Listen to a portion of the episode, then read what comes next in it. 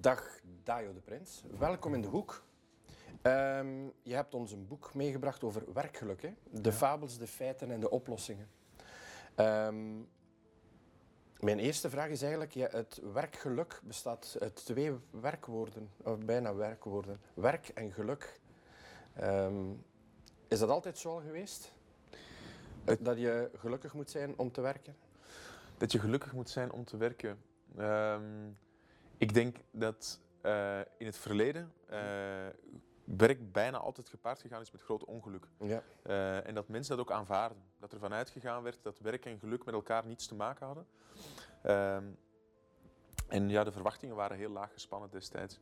Ik heb net nog eens gelezen dat een economische historicus of een historische econoom uh, heeft uh, uh, onderzocht dat 85% van de, van de mensheid vroeger ehm, in ofwel juridische ofwel economische slavernij werkte. Mhm. En dus op geen enkele manier de mogelijkheid had om zich te ontplooien, om tevreden te zijn over het werk, wat dan ook. En dat bestond echt niet.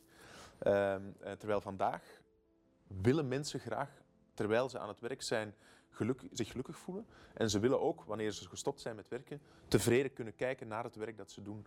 Dus ik denk dat die woorden nog nooit zo met elkaar verbonden geweest zijn als nu. Ik denk dat als je vroeger dat woord gelanceerd zou hebben in de jaren 50 of, of laten we zeggen in, in, in de 19e eeuw, zouden mensen je uitgelachen hebben. Mhm. Uh, maar vandaag denk ik wel dat mensen um, er naar op zoek zijn en dat het ook meer voorkomt. Ja, ja, ja. Hoe ben je eigenlijk tot het idee gekomen om daar een, een, volledig, want het is een werkboek, hè. het is niet zomaar een boek over werkgeluk, het is, alles wordt daar tot in detail besproken. Hè. Ja, ik, ik, merk gewoon om mij heen dat heel veel mensen ongelukkig zijn over hun werk en dat ze ook zelfs ongelukkig zijn over hun leven ten gevolge van hun werk. Uh, er zijn ook veel mensen, en, en ik ken ook veel mensen die heel erg van hun werk houden en dat eh, fantastisch vinden. Um, en ik vroeg mij af, ja, hoe, zit dat precies in elkaar? Hoe zijn de percentages van mensen die gelukkig werken en ongelukkig werken? Um, uh, en is er ook iets verstandigs wat je kunt doen om ervoor te zorgen dat meer mensen gelukkig zijn op het werk? Ja, ja, oké. Okay. Um, werkgeluk is eigenlijk iets dat nog niet zo oud is, hè? Nee, ja, ik denk dat um, uh, zo de, de, het is voor het eerst echt, um, uh, is, zijn mensen zich kunnen gaan voorstellen dat je gelukkig was dat je werkt, uh, is tijdens de renaissance, toen uh, met, met, met de grote schilders, toen um, Michelangelo de Sixtijnse kapel ja. aan het schilderen was, of Titiaan zijn schilderijen maakte, dan zijn er voor het eerst denkers en filosofen geweest die gezegd hebben, die mensen zijn misschien gelukkig als ze werken. maar dan, daarna heeft het nog, ik weet niet hoe lang geduurd, tot de 19e eeuw ongeveer, totdat mensen zijn beginnen geloven dat werk en geluk met elkaar verbonden kunnen zijn. Je hebt zo van die, van die typische uitdrukkingen van, van, uh, van de 19e eeuw, arbeid adelt. En, Ja. en werk is zo verbonden geraakt met, met de mogelijkheid van je ontplooien en je ontwikkelen. Um, en um, nu de laatste 30, 40 jaar uh, is eigenlijk iedereen, denk ik, op zoek gegaan naar, werk in, uh, naar geluk in het werk. En daarvoor, ik denk in de jaren, als je nu na de Tweede Wereldoorlog, tot de jaren 80 ongeveer, wilden mensen vooral status bereiken en een fatsoenlijke job hebben, een voltijdse baan hebben die, veiligheid, die zorgt voor veiligheid en waarin je kunt klimmen. En zo ja, vanaf de jaren 90, 2000, uh, uh, onder impuls van de opkomst van de positieve psychologie ook, uh, zijn mensen gaan, alle mensen denk ik die beginnen te werken, zich de wens beginnen koesteren om gelukkig te zijn als ze werken. Mhm. En nu wordt, is dat een doodnormale vraag van, hè, ben, je, ben, je, ben je gelukkig op je Ja. werk? vroeger was dat geen normaal, ik denk dat mijn, mijn grootvader, hè, dat was nou een metselaar, uh, uh, en uiteindelijk een, een, iemand die toezicht hield op bouwwerven. Dat was niet zijn vraag. Zijn, zijn, zijn vraag was, heb je goed werk, iets wat, waar je ja, goed je brood mee verdient, een beetje status hebt, ook voldoende vrije tijd en vakantie hebt. En nu willen mensen, het is, de, de, de, de wereld is psychologischer geworden. zeker de jonge generatie is zich ook erg bewust van hun innerlijke leven. En zij willen zich goed voelen terwijl ze werken. En ze hebben gelijk, ik vind dat een positieve ontwikkeling. Maar het lijkt erg ja, moeilijk te grijpen voor veel Ja, mensen. Zitten we in, nog altijd in die overgangsfase van het oude, klassieke, van ja, je, je zekerheid van werk. eh, en, en nu die overgang van je moet eigenlijk eerst wel gelukkig zijn als je je job doet, want dan hebben wij meer rendement uit, uit het Ja. hele verhaal. Ik, ik, denk, ik denk dat uh, het, het, nog een generatieding is. Hè. De, ik denk de me mensen van de oudere generatie, uh, waar ik ergens ook toe behoor, ik ben van 75, dus ik ben generatie X. Dat zijn, en zeker de, de, de, de, de, de generaties daarvoor, zijn nog altijd meer op zoek denk ik, naar status en, en, en, en, veiligheid en aanzien en weet ik veel wat en geld. terwijl de millennials en, en Gen Z, ja. de, de, de laatste generatie, die nu, nu aan het werk geraakt, die willen denk ik echt eh, eh, eh, gelukkig worden terwijl ze werken en veranderen ook van baan als ze niet gelukkig zijn op hun werk. Terwijl dat denk ik voor mijn generatie en, en de generatie voor mij minder een reden was om, om te stoppen met werken. Er werd van uitgegaan dat werk gepaard gaat met veel lijden. En jongere mensen. dus ik denk dat het een overgangsperiode is tussen, tussen um, mensen die werken voor de klassieke redenen en voor geluk. Ja, hoe is je boek eigenlijk, ja, hoe is je boek eigenlijk ontstaan? Hoe heb je het ingedeeld, je boek? Uh, ja, ik ben proberen uit te gaan van, van, van, van de vaste. Ik heb de indruk, of ik heb niet alleen die indruk, de stati uit de statistieken blijkt dat de, de afgelopen 15 jaar mensen ongelukkiger worden op het werk. -hmm. Dat uh, stress en burn-out, wat termen waren die amper bestonden 20 jaar geleden, dat stijgt werkelijk elk jaar. En dat zijn negatieve gevoelens die een, een, een zeer negatief effect hebben op het levensgeluk van mensen ook. Um, dus eh, dat heb ik als, als, als uitgangspunt genomen. Uh, um, uh, en dan ben ik eens gaan kijken naar alle statistieken die daarover bestaan. Ja. Um, en dan uh, heb ik. En ik wist ook niet op voorhand dat de uitkomst zou zijn. Hè. Ik, ik, heb werkgeluk gedefinieerd als een combinatie van vier dingen. Nee, het, het, betekent dat je tevreden bent over je baan. Het betekent dat je plezier beleeft tijdens het werken. Het betekent dat je actief geëngageerd bent. Hè. Dus dat je een soort van permanente drive hebt om, om verder te doen. En dat je je baan werk zinvol vindt. Ja voor die vier dingen aanwezig zijn. Dat is natuurlijk niet zo simpel, maar er zijn uh, statistieken over die vier componenten. En dan in België en Nederland zijn mensen zeer tevreden over hun werk. 70 tot 90 procent is tevreden over zijn baan. Maar ehm, als je gaat kijken naar de, uh, het werkplezier, dus de meer positieve dan negatieve gevoelens hebben terwijl je aan het werk bent, uh, dat is al veel lager. En zodra mensen de, de, de, de werksfeer betreden, zakt hun, plezier, hun positieve affecten zakken met 7 à 8 procent. En in vergelijking met bijna alle andere activiteiten die je tijdens de dag kunt doen, voelen mensen zich slecht. Als je de, er is een heel, een heel leuk, uh, mooi Engels onderzoek gedaan, uh, dat Mappiness heet, waarbij de dag ingedeeld is in 40 mogelijke activiteiten. Ja. Um, uh, en dan hebben ze gekeken, tijdens welke activiteiten voelen mensen zich het best? En, en, tijdens welke voelen ze zich het slechtst? En dat hebben ze gedaan door op je smartphone een, een, een app te installeren en op random momenten op de dag krijg je een notificatie en word je gevraagd, wat ben je aan het doen en hoe voel je? Um, en dan uh, uh, hebben ze een ranking gemaakt. Dus bijvoorbeeld, dat kan zijn boekhouden, met je kinderen spelen, aan het werk zijn, aan het sporten zijn, naar de bioscoop gaan enzovoort. Um, en dus dan is er een ranking gemaakt van 40 activiteiten. En de populairste activiteit was intimiteit of de liefde bedrijven, ja. seks. En nummer 40, de allerlaatste, was ziek in bed liggen. Um, en, uh, en, dan hebben ze uh, alle andere activiteiten gerankt en werk staat op 39. Dus is de twee, is de, de, de, de, de tweede onplezierigste activiteit die er bestaat. Hè, op voorwaarde dat je uh, ziek in bed ligt al als een activiteit beschouwt. uh, dus dus het, het, het, het, uh, de hoeveelheid goede gevoelens zakt spectaculair eigenlijk terwijl we werken. Um, en, en de hoeveelheid negatieve affecten of negatieve gevoelens stijgt. Dus eh, werktevredenheid is goed, mensen zijn tevreden over hun baan, maar ze voelen zich niet goed terwijl ze aan het werken zijn, gemiddeld gesproken. Dan is er onderzoek gedaan naar hoe geëngageerd we zijn. Um, en dat is Gallup World Poll doet elk jaar, uh, niet elk jaar, maar heel regelmatig um, uh, peilingen over heel de wereld in 156 landen, waarbij ze de vraag stellen, ben je actief geëngageerd voor je werk? Ben je niet geëngageerd voor je werk? Of ben je actief gedesengageerd? En wat betekent dat je de boel saboteert en, ja. en je ziek meldt als je het niet bent enzovoort. En slechts 10% in België en Nederland uh, is actief geëngageerd. Uh, iets van een 70, uh, 70 à 80 procent is, is niet geëngageerd. En in België is ongeveer 20 procent actief gedesengageerd. Dus het percentage mensen dat een soort van intrinsieke motivatiebron heeft, die, die met, met energie en plezier gaan werken, is klein. 10 procent, dus dat is echt een, een, een, heel klein gedeelte. En dan is er een heel mooi onderzoek geweest van de UAMS, van de, de Antwerpse Management School, naar de zinvolheid van werk. Dat is de vierde component. En hoe zinvol vinden mensen hun werk? En zij hebben vastgesteld dat slechts 30% van de bevolking zijn baan min of meer zinvol vindt en slechts maar, maar 5% over de ganse lijn zinvol. Eh, en dat er eh, eh, een, een heel groot percentage is van boven de 60% die hun baan zo beperkt zinvol vindt dat ze zich niet kunnen voorstellen dat ze het hun leven lang verder gaan blijven uitoefenen. Dus als je die vier componenten samenneemt en je kijkt naar alle sta- statistieken, dan zie je dat eigenlijk maar 10% ongeveer echt gelukkig is op het werk. Ze zijn wel tevreden over hun baan, maar dat is vooral, ze zijn content dat ze werk hebben, Ja, dat ze een, een loon hebben en weet ik veel wat. Eh, maar ze voelen zich terwijl ze aan het werken zijn meestal niet, niet goed. Ze zijn niet actief geëngageerd en ze vinden hun baan ook heel vaak niet zinvol. Ja. En pas als je al die componenten samen hebt, dan krijg je een werkgeluk waar je iets aan hebt. Als mens, als individu, hè, als jij die vier componenten samen hebt, dan gaat jouw levensgeluk ook stijgen. Ja. Dan ga je, eh, je gaat, dat, dat breidt zich uit als een olievlek over heel je leven. Maar ook voor werkgevers en mensen die die vier componenten hebben, daar heb je veel meer aan. Die blijven langer.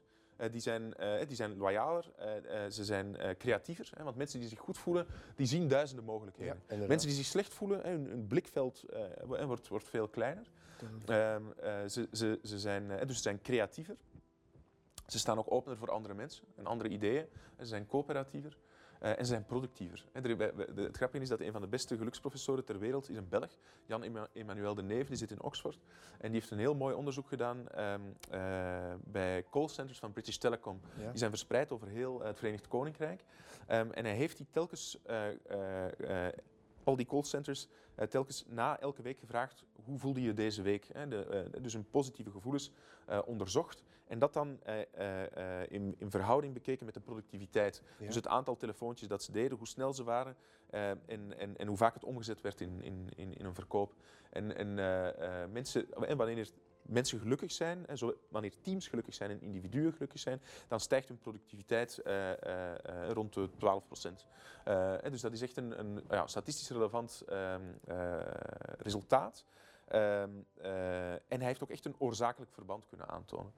Dus er zijn voor werkgevers heel veel redenen om er naar te streven om mensen werkgelukkig te maken. Het, ga- het gaat hen waanzinnig veel opleveren. Eh, Je doet ook al iets goeds. Ehm, eh, en voor, voor, voor werkenden is het ook een van de mooiste dingen die je kunt hebben. Want we, brengen gemiddeld 75.000 uur per van ons leven door al werkende. Mhm. Ehm, en de, de beste uren van onze dag spenderen we al werkend. Ja, als je dan al goed voelt, dat is al meer dan de helft van een gelukkig leven. Ja, absoluut. Hoe komt dat eigenlijk, dat er zo weinig mensen gelukkig zijn op hun werk? Is dat nog het, het oude dat ons achtervolgt, het oude management? Want het begint bovenaan toch, hè? Ja, ja, het goed daar ben ik het helemaal mee eens. Ja, ik denk dat het inderdaad bovenaan begint. Ik denk dat dat een, een rol speelt. Eh, eh, eh, de manier waarop leiding gegeven wordt. Uit onderzoek blijkt ook dat mensen vinden de minst aangename tijd van de dag is de tijd die ze doorbrengen met hun baas.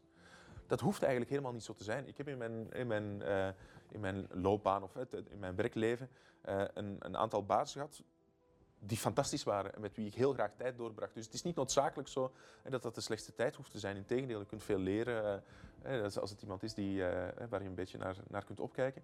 Maar de belangrijkste factoren voor goed eh, eh, leiding geven eh, in, in verhouding tot werkgeluk is onderzocht. En een, een leidinggevende draagt bij tot werkgeluk wanneer hij vakbekwaam is. Mhm. Dus als hij precies weet wat zich op de werkvloer af- afspeelt. Ja. De, de, de- dat is een eerste voorwaarde. De eh, werkenden ergeren zich waanzinnig aan bazen die alleen bezig zijn met management en die niet weten hè, wat er daar ergens eh, in, in eh, en wa- wat het ook is het beroep. Hè. Of je nu een, een, een, een, een loodgieter bent of een, een, een, een, een IT'er of een astrofysicus, het maakt niet uit. Hè. Je leidinggevende moet in het vak zelf ook bekwaam zijn, zodat hij weet wat jij, hè, wat- jij als werkende doormaakt, zich daarin kan inleven en ook oplossingen kan aanreiken. Ehm, en in me- moderne managementtheorieën wordt dat altijd als onbelangrijk beschouwd. Eh, en misschien is dat voor productiviteit ook waar, maar het is niet waar voor geluk. Dus dat is de eerste voorwaarde. En bovendien moet een, een, een manager natuurlijk ook bekwaam zijn in het managen, Ja, in het absoluut. leiding geven, in de menselijke aspecten. Ehm, en een eh, tweede compo- co- component is dat hij ondersteunend moet zijn. En ondersteunend wil zeggen dat je niet directief bent. Dat je niet eh, iemand helemaal van zijn autonomie berooft en zegt je moet dit doen en dat doen en dat doen. Mensen die alleen bevelen gehoorzamen en die geen ruimte hebben om iets van hun eigen inbreng eh, en creativiteit in het werk te brengen, die voelen zich hulpeloos, vernederd, onvrij. Eh, dus dat is, je moet, het moet ondersteunend eh, eh, leiderschap zijn. En een derde component is dat het positief is. En daarmee bedoel ik niet dat je alleen maar happy happy moet zijn, maar wel dat ehm, eh, als je als leidinggevende meer dan een derde van je, uitingen die je doet, als die negatief zijn, heb je een negatieve invloed op het werkgeluk van je team. Dus je moet erop, het is een, richtlijn, maar de wetenschappers die denken altijd in termen van, van getallen natuurlijk. Ze hebben onderzocht dat als leidinggevende, als meer dan een derde van hun uitingen van negatieve aard is, dat ze dan een negatieve invloed hebben op het werkgeluk. Dus leidinggevenden moeten eigenlijk aan die drie voorwaarden voldoen om bij te kunnen dragen tot eh, werkgeluk. Ja. Waarom zijn ze daar zo weinig mee bezig? Ja, dat is een goede vraag. Ik denk, pas op, ik denk, ik denk dat bedrijven vandaag heel erg met geluk bezig zijn. Ik denk dat ze weten, eh, ze hebben die onderzoeken ondertussen ook wel gezien, dat eh, de retentie eh, of loyaliteit van mensen hoger is, dat ze creatiever, productiever, coöperatiever zijn. Ze willen daar wel iets aan doen, maar ze pakken het denk ik verkeerd aan. De, de trend vandaag is ehm, om ehm, geluk te zien als iets wat je, ehm, wat je moet uitbesteden aan, aan, aan geluksexperts. Wat misschien een beetje vreemd is, want ik, ik pleit volledig tegen mijn eigen winkel. Eh, eh, dat wat je moet uitbesteden aan geluksexperts, een soort psychologen, die in een, in een, in een, in een, een bedrijfscontext interventies doen. Eh, De, de, de Chief Happiness Officer is, de, is, is, het, het meest modieuze verschijnsel daarvan. En die Chief Happiness Officer die doet dan van die dingen als samen dankbaarheidsoefeningen doen. Zodat je ziet van wat is er nu vandaag eigenlijk om dankbaar voor te zijn, voor, voor- voor hoe het is. Eh, samen mediteren. Eh, ehm, eh, ehm, trainingen rond veerkracht, hè, zodat je leert om eh, de druk langer te verdragen en jezelf goed te kennen. Pas op, al die dingen zijn zinvol. Hè? Dankbaarheidsoefeningen, weet ik veel wat, en, en, en, en veerkracht en meditatie. Maar ik denk dat dat niet is wat je in werkcontext als eerste moet doen. Want wa- de boodschap van al die oefeningen is van geluk, dat jij gelukkig bent op het werk, dat is iets wat je zelf moet regelen. Wij geven jou psychologische tools, waardoor je leert de situatie zoals ze is beter te verdragen. En eh, ondanks het feit dat je waanzinnig veel werkdruk hebt en dat het heel zwaar is, moet je dankbaar zijn. Moet je je eigen, je, je, moet, je veerkracht verhogen. Je moet en mediteren is ook een, manier van het heden te aanvaarden zoals het nu is. Eh, andere dingen die heel, vooral in Nederland heel veel gebruikt worden, zijn zo eh, dingen die te maken hebben met fitness. En dat je samen sport, en dat je gezond eet. Al die dingen zijn ook waardevol, maar het zijn gewoon niet de eerste dingen die je moet doen als je wil dat mensen gelukkig zijn op het werk. Dat is een soort kers op de taart. En als de taart krakkemikkig is, dan, dan, dan is die kers misplaatst. Ja. Je moet niet een, een kers zetten op iets wat, op een bouwwerk dat nergens op lijkt. En daarom, je moet beginnen met te zorgen dat mensen alle reden hebben om tevreden te zijn over hun werk. Dat hun loon goed is, eh, dat, ze zich, eh, eh, dat ze voldoende tijd en energie hebben na hun werk om zich aan hun ge- gezin te wijden en aan hun hobby's en weet ik veel wat. Dat er eh, niet te veel, ja, dat de werkdruk niet te hoog is, dat niet iedereen eronder doorgaat aan stress en burn-out. Eh, dat, dat, eh, dus de, de, de factoren voor we- werktevredenheid moeten in orde zijn. Dan moet je ervoor zorgen dat de factoren voor werkplezier er zijn. Dat wil zeggen dat mensen kunnen doen wat ze graag doen en dat ze daar het grootste deel van hun tijd aan kunnen besteden. En de tweede factor is dat je zorgt dat er een goede sociale omgeving is. Je kunt natuurlijk mensen geen vrienden van elkaar maken, maar je kunt er wel voor zorgen dat er veel ruimtes zijn waarin mensen elkaar kunnen ontmoeten. Dat je dat ondersteunt, dat mensen diepgaande contacten krijgen. En dat je ervoor zorgt dat er eh, in geen enkel geval een toxische werksfeer is. En dat je daar een nultolerantie hebt tegenover pesten en weet ik veel wat. Zodat er een goede ondersteunende sfeer is. Eh, eh, en dan moet je ervoor zorgen dat eh, mensen eh, voldoende geëngageerd kunnen werken. Dus dat je ze voldoende autonomie geeft en dat je ze voldoende uitdagingen geeft. Ja. Die op hun lijf geschreven zijn. Dus je moet als, als leidinggevende ook mensen goed kennen. En tenslotte moet je ervoor zorgen dat het werk zinvol is. Dat mensen iets doen waardoor ze het gevoel hebben dat ze bijdragen tot iets goeds. En als, dat is ook als leidinggevende. Hè, dan, je, je moet, ehm, eh, vaak is het, omdat de economie zeer complex is, doen mensen vaak heel specifieke dingen. Je moet hen laten zien waar ze toe bijdragen. Je moet hen dat verhaal ook vertellen. Zodat ze, als ze op café zitten, kunnen zeggen van, ik doe dit. En dat, heeft, dat is misschien maar iets kleins, maar dat draagt tot dit bij. Ja. En, en op die manier maak ik de wereld een, een klein beetje beter. Dat zijn de dingen die je eerst moet doen. En als dat allemaal in orde is, dan kun je zeggen van eh, meditatie en we gaan samen de marathon lopen en weet ik veel wat. Want die dingen, ik wil daar helemaal niet minachtend over zijn of zeggen dat die niet goed zijn, maar de volgorde is essentieel. Je, je hebt een soort, ja, een soort morele verplichting die je eerst in orde moet brengen en daarna kun je met dat soort geluksinterventies beginnen. En ik, eh, eh, eh, zo, ehm, ik las onlangs in de krant dat ehm, eh, de Chief Happiness Officers in België dat die veel weerstand ervaren met, hun, met al hun geluksinterventies.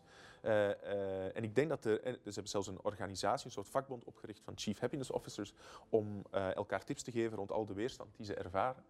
En ik denk dat het een gevolg is van het feit dat, dat, dat werkgevers, overheden en, en, en, ehm, eh, en bedrijven eh, de volgorde verkeerd hebben. En dat ze niet zorgen dat e- e- eerst de basis in orde is en daarna op het einde kun je als kers op de taart en dat soort dingen doen. Natuurlijk, als ik het goed begrijp, de basis is hetgene waar het meest eh, energie en budget in kruipt uiteindelijk. ja, klopt.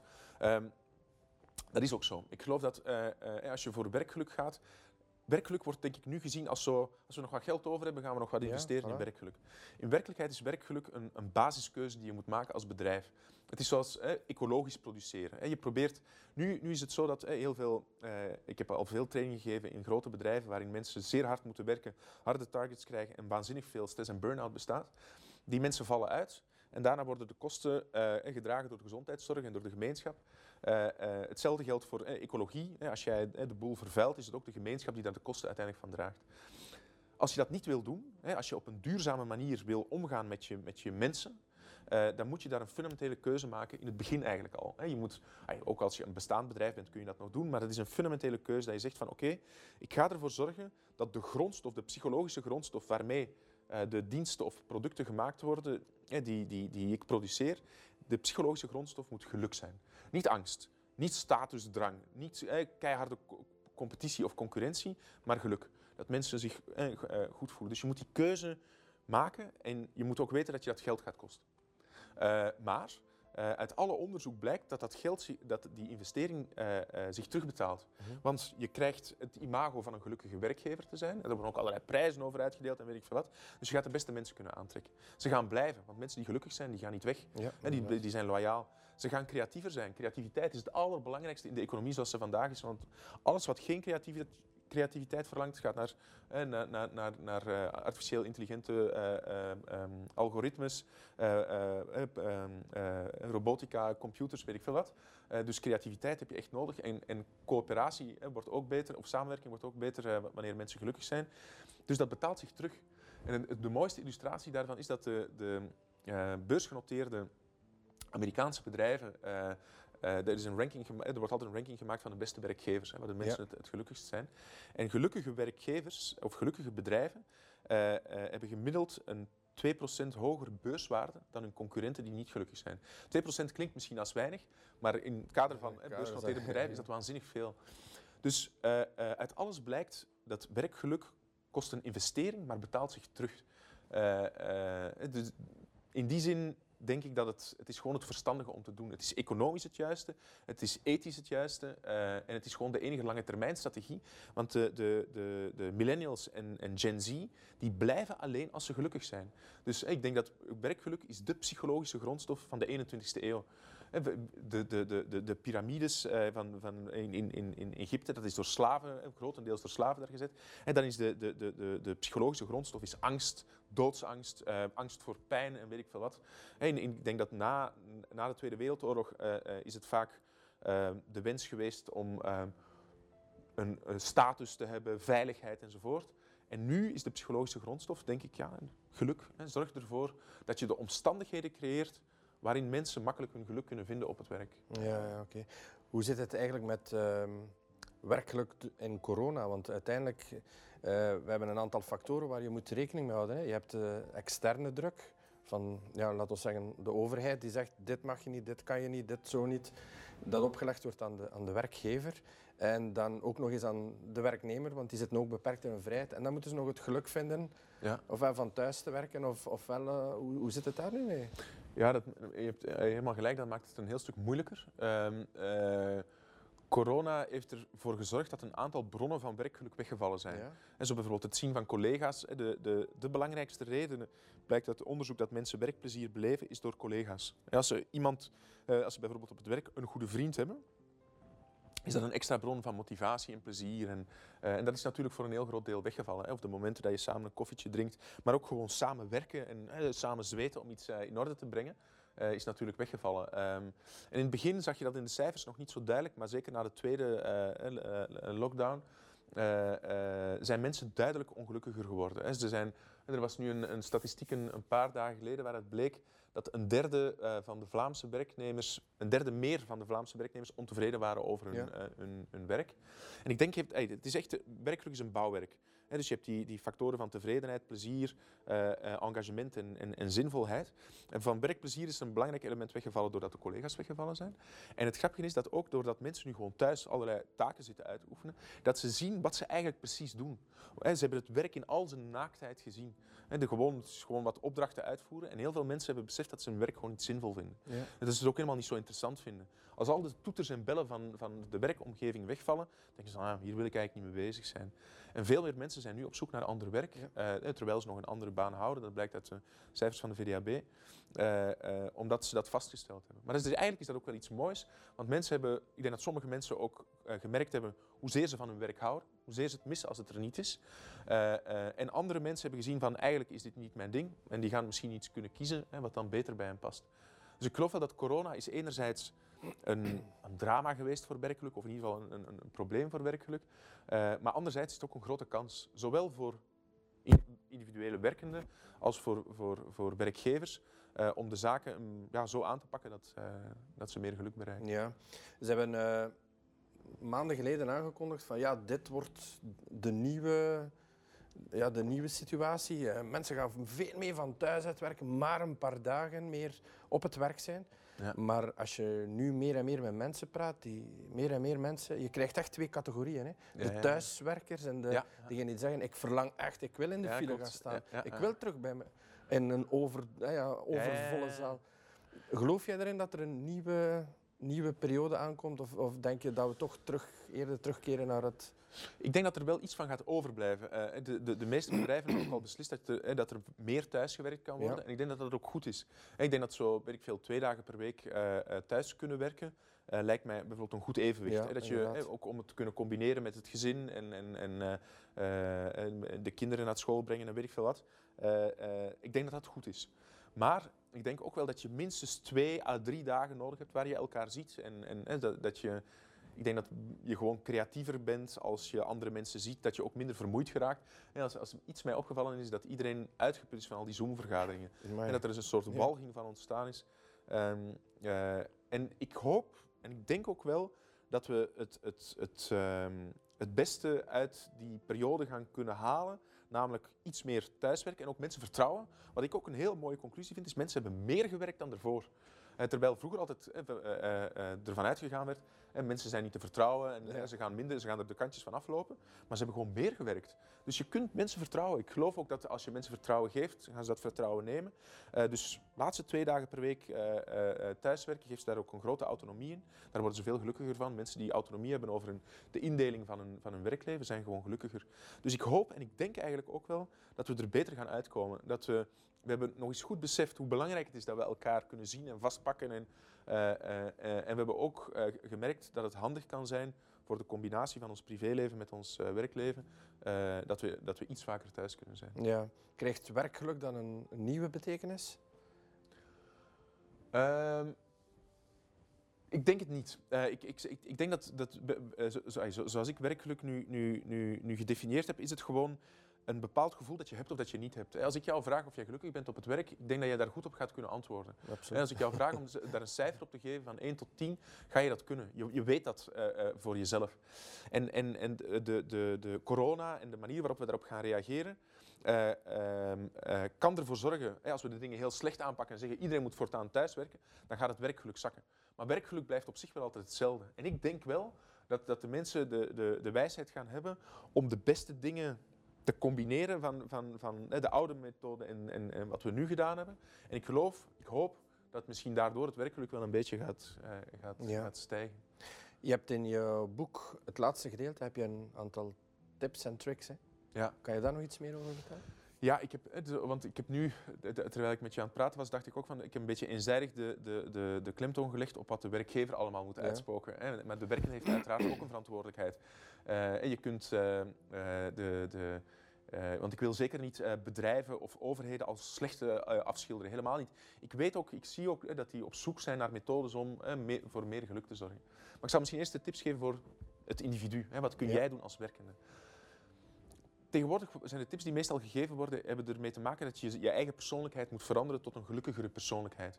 En dat is de, de, de idee van de positieve psychologie, zegt we moeten kijken naar de positieve voorbeelden. Wat doen mensen die gelukkig zijn op het werk?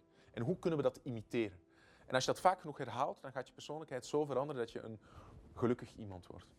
Uh, bijvoorbeeld door dankbaarheidsoefeningen te doen, Ja. hè, door te mediteren, door, door eh, eh, eh, eh, mentale fitness en weet ik veel wat.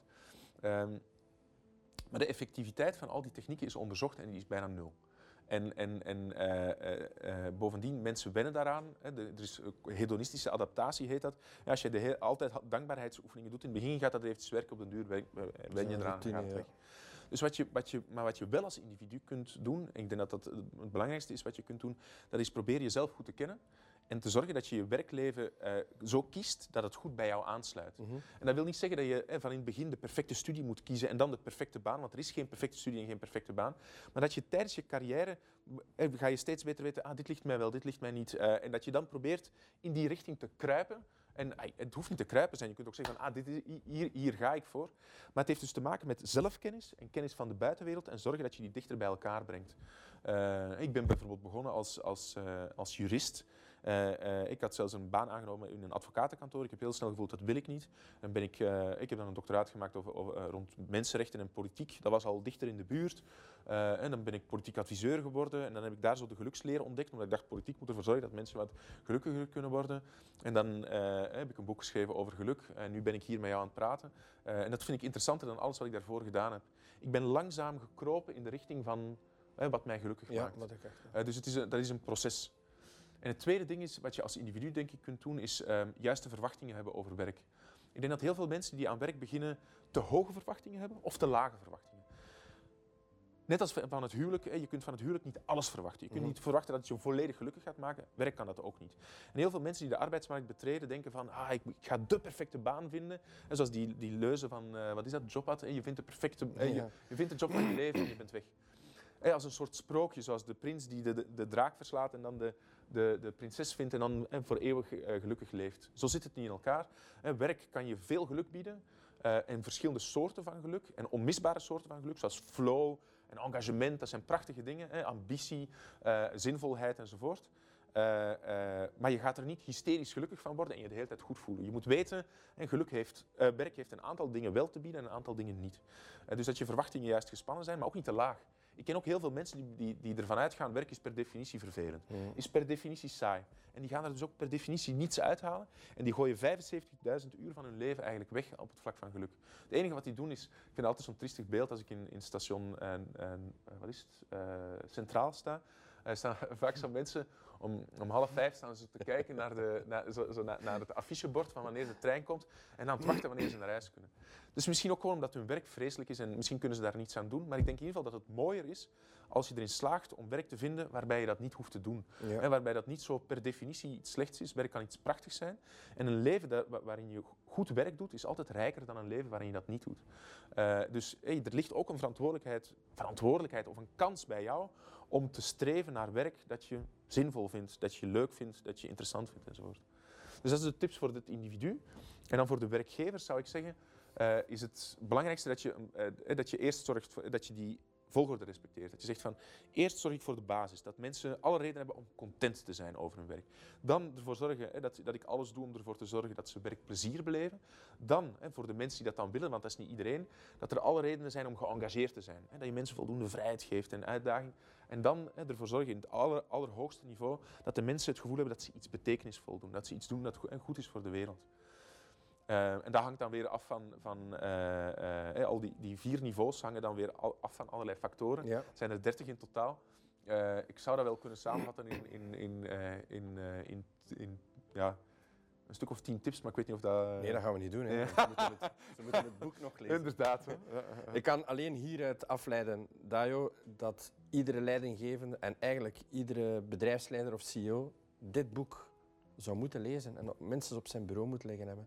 Voor af en toe eens in te bladeren van wat moet ik doen, waar zit het fout. Ik denk dat dit wel het boek is.